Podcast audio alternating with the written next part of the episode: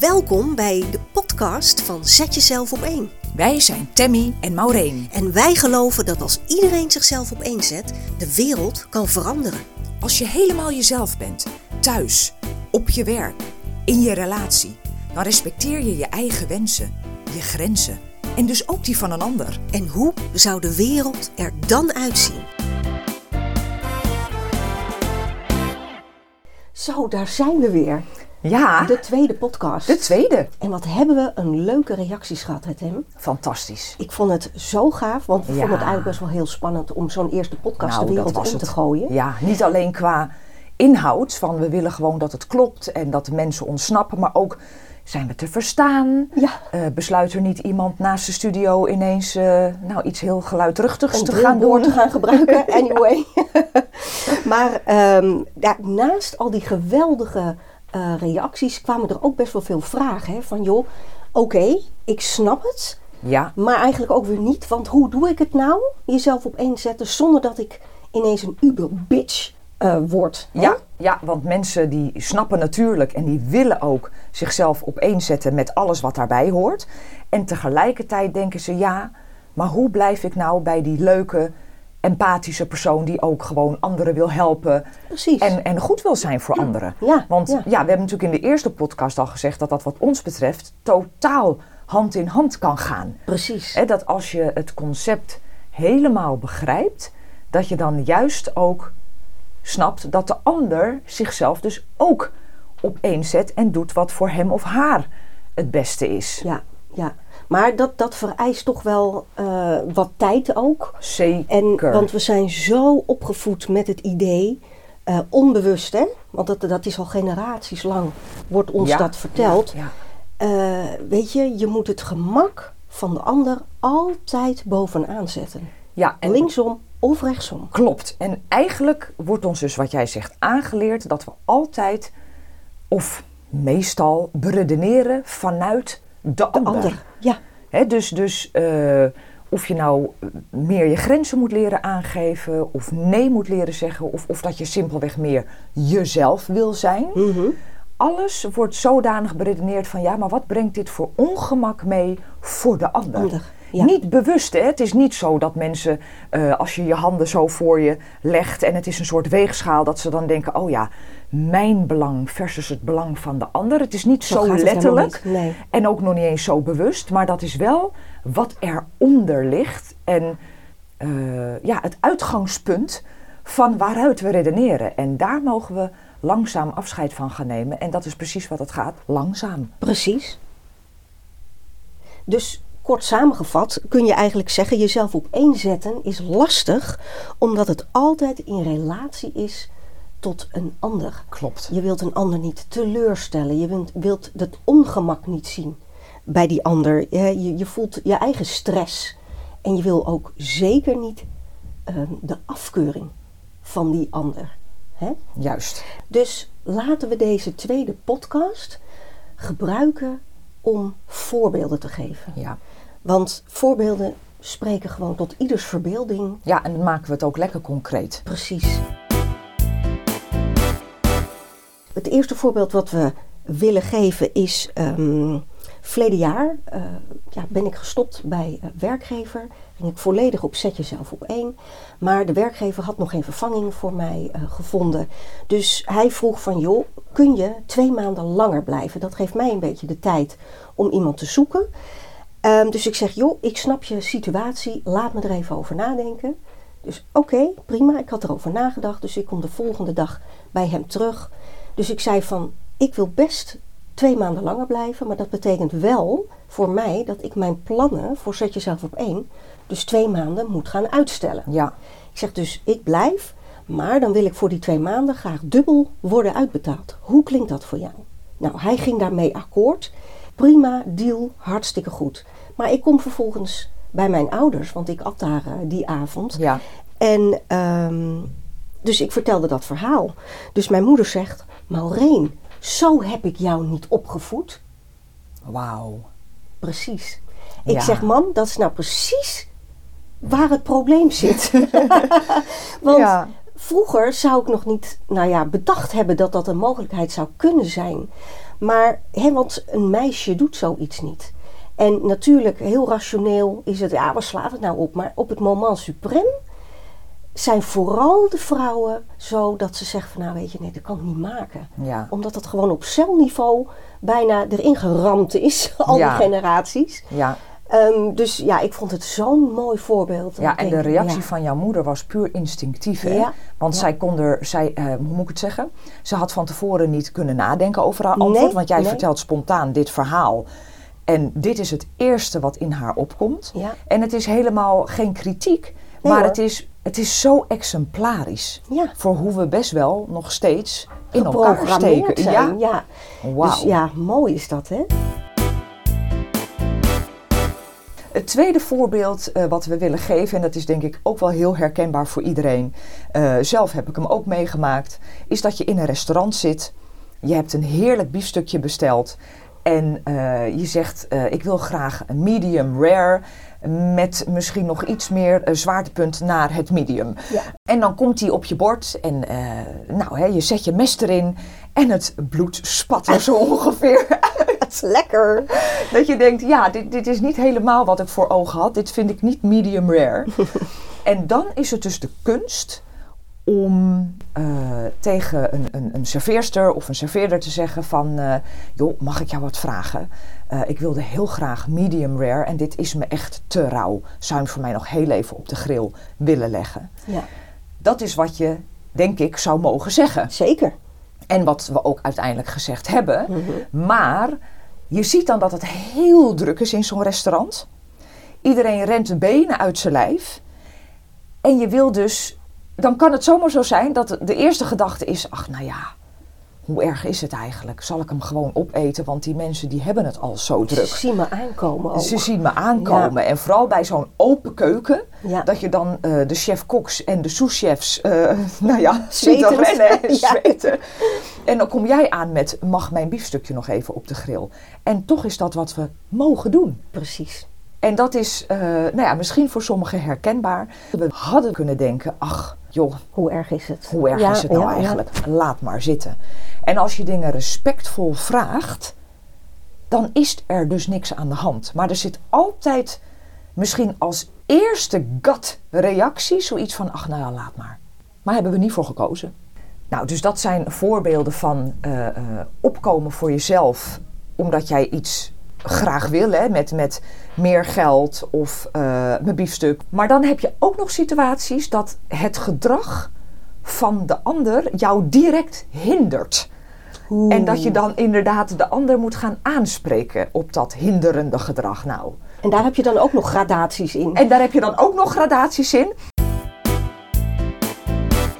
Zet jezelf op één. Ik zat een keer eh, met mijn broer in de bioscoop.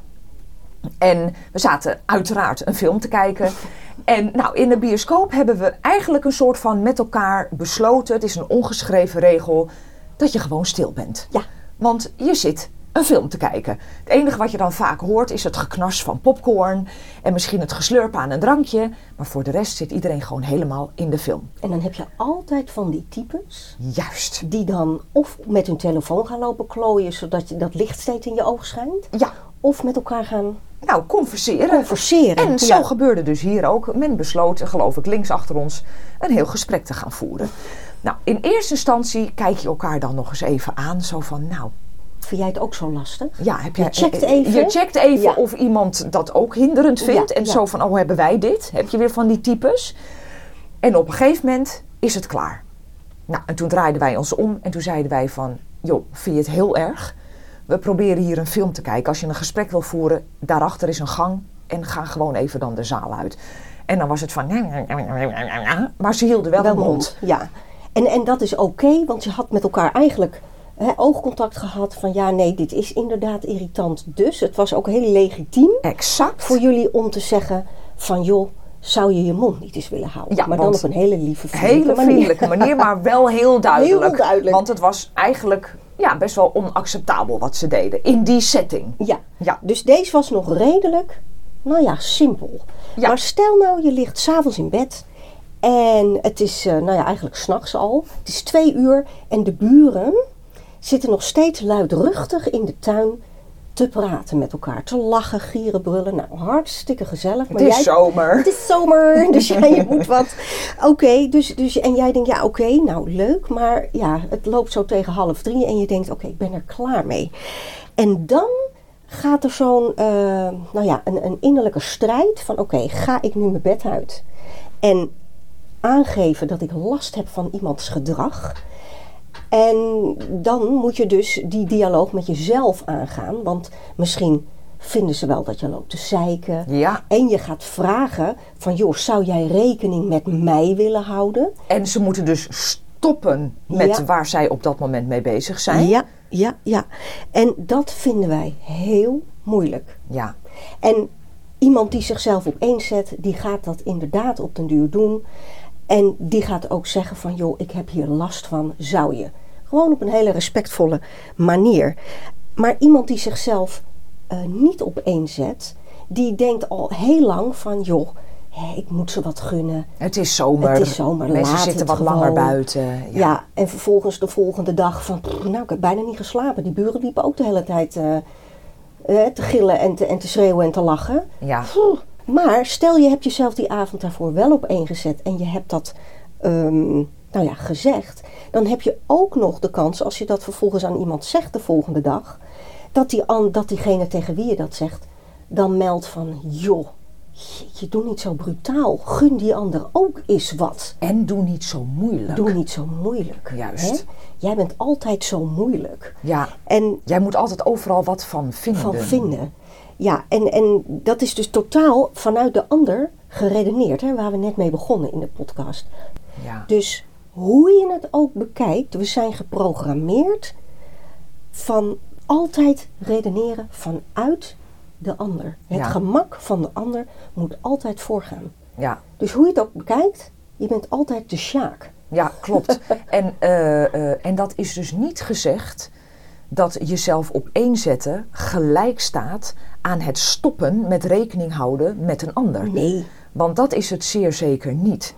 Het is meer jezelf observeren en eens kijken van hé, hey, doe ik dat ook? Redeneer ik ook altijd vanuit het gemak of het ongemak, maar net hoe je het bekijkt, van de ander? En zou dat misschien een verklaring kunnen zijn waarom ik me voel zoals ik me voel?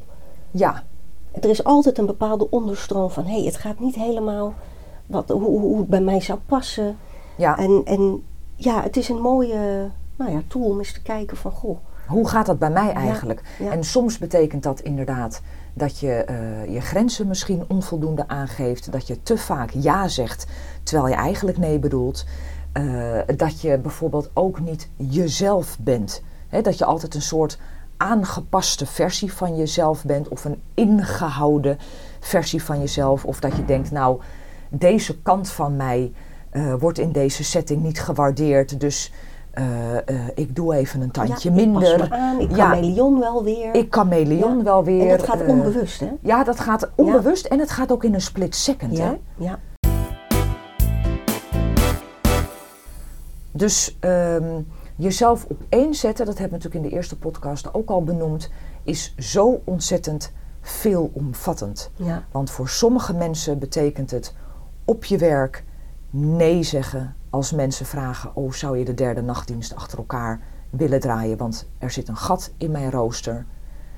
Dan mag jouw antwoord nee zijn. Ja. Sommige, voor sommigen is dat het euvel. Voor anderen eh, is het inderdaad eh, misschien midden in de nacht toch aangeven bij je buren van... joh, ja, ik probeer te slapen, zou je misschien Mhm.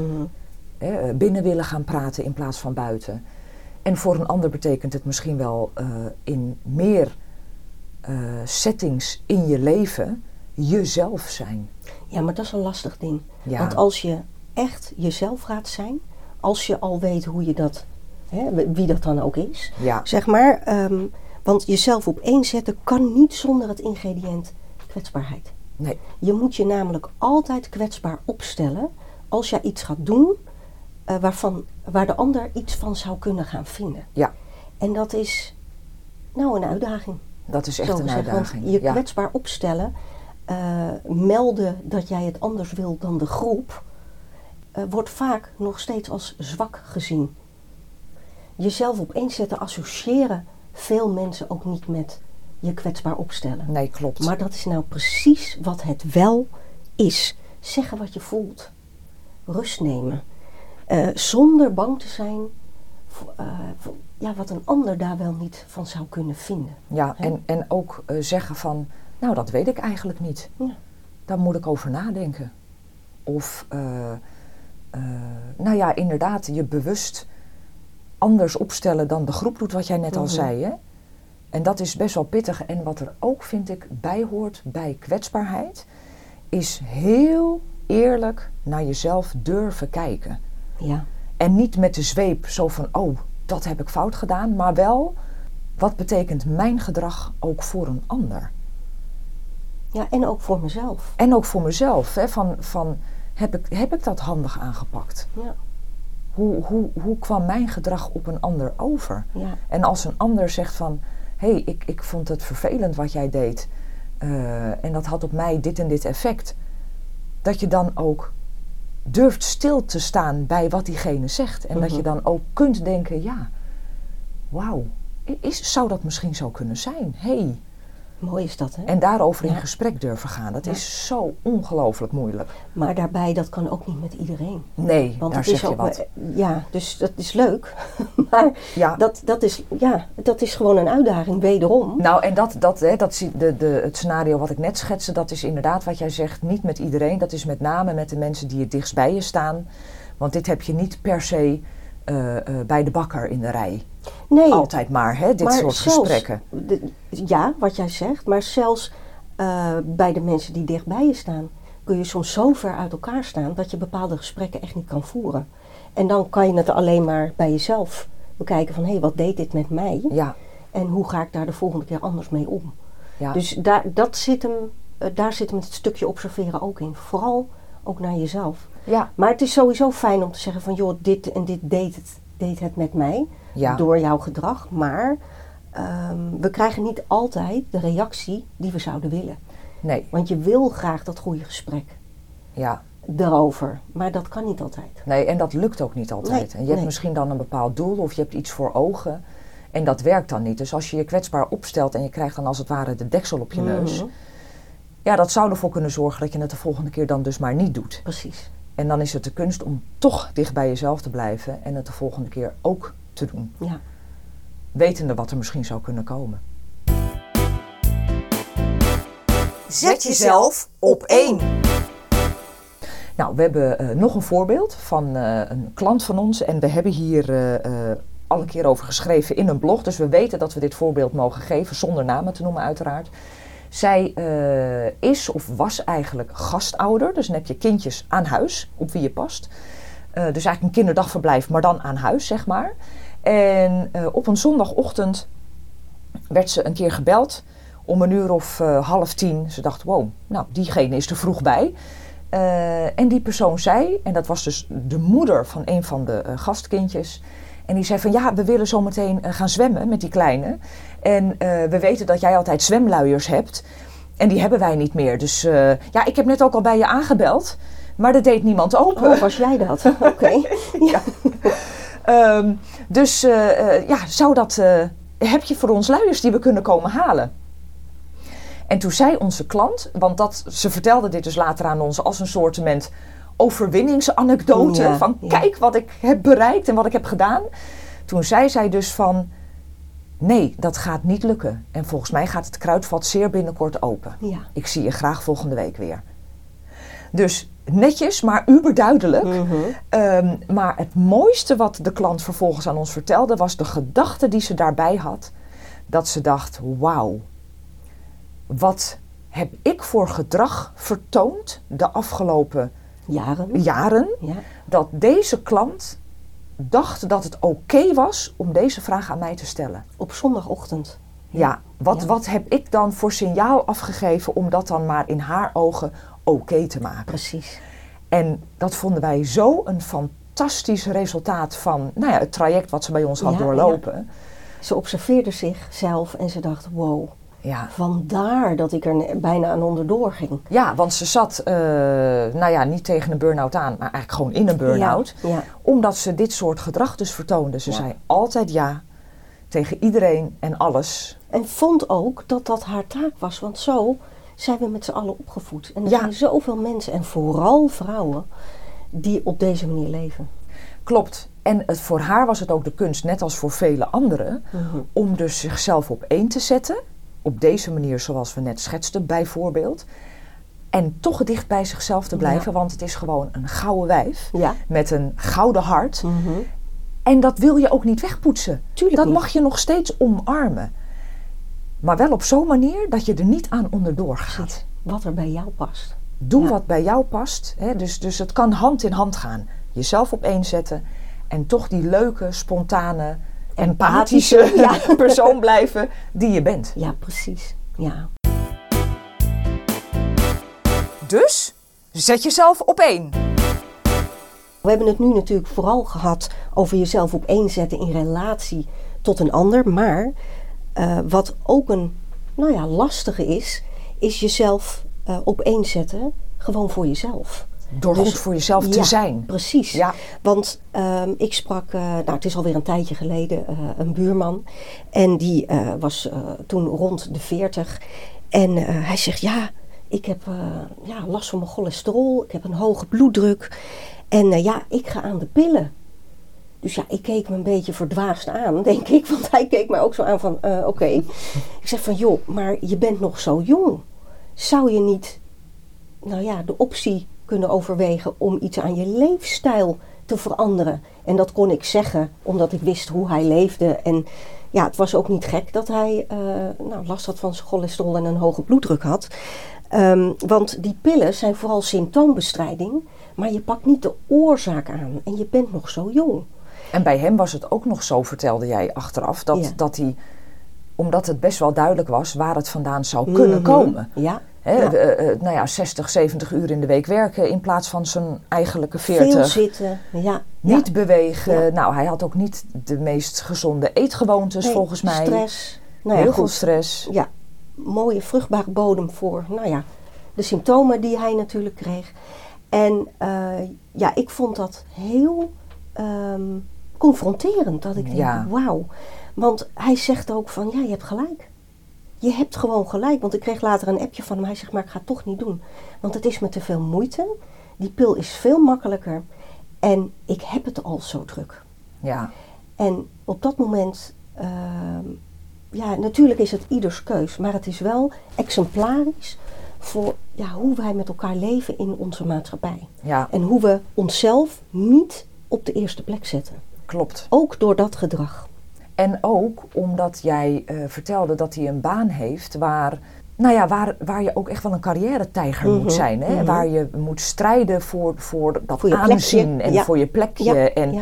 en als jij dat ook maar enigszins eh, laat afweten door inderdaad kortere dagen te werken, door Te gaan wandelen in te de gaan wandelen in de lunchpauze. lunchpauze. Precies, ja. dan vindt men daar wat van. En dan, ja, dan sta je niet meer op die eh, ladder om, nou ja, eh, hè, weet ik veel wat voor functie eh, te ambiëren. Dus Ja. En dat is allemaal prima. Het is prima, Nogmaals, we, ja. oordelen niet. Het is puur een observatie. ja, Van, van joh, wat, wat wil jij eigenlijk uit dit leven? Als, als jij echt een carrière-tijger wil zijn en je erbij neerlegt dat je eh, misschien uitgeblust bent een paar keer in je leven, dan is dat, je, helemaal prima. Ja, en dat je pillen nodig hebt ter ondersteuning. Ja, dat, dat is prima. Maar als jouw doel is van eh, gezond oud worden met je gezin en hè, gelukkig zijn op, op die manier en genieten van de kleine dingetjes, dan, eh, dan zou je wellicht wat anders mogen doen. Ja, dan zou je wellicht een andere keuze Ja, kunnen maken. Ja, ja. En ik denk dat het ons ook niet makkelijk eh, wordt gemaakt in deze maatschappij en in deze cultuur Mhm. om die keuze voor geluk en gezondheid en balans in je leven, hoe zweverig dat soms ook klinkt, Ja. om die keuze te maken. Want het gaat nog steeds om die buitenkant. Nog steeds. Het wordt wel minder. Ja, het wordt echt wel minder. Ja. En, mensen, en mensen weten het ook wel. En toch, die buitenkant blijft belangrijk. Ja. Ja.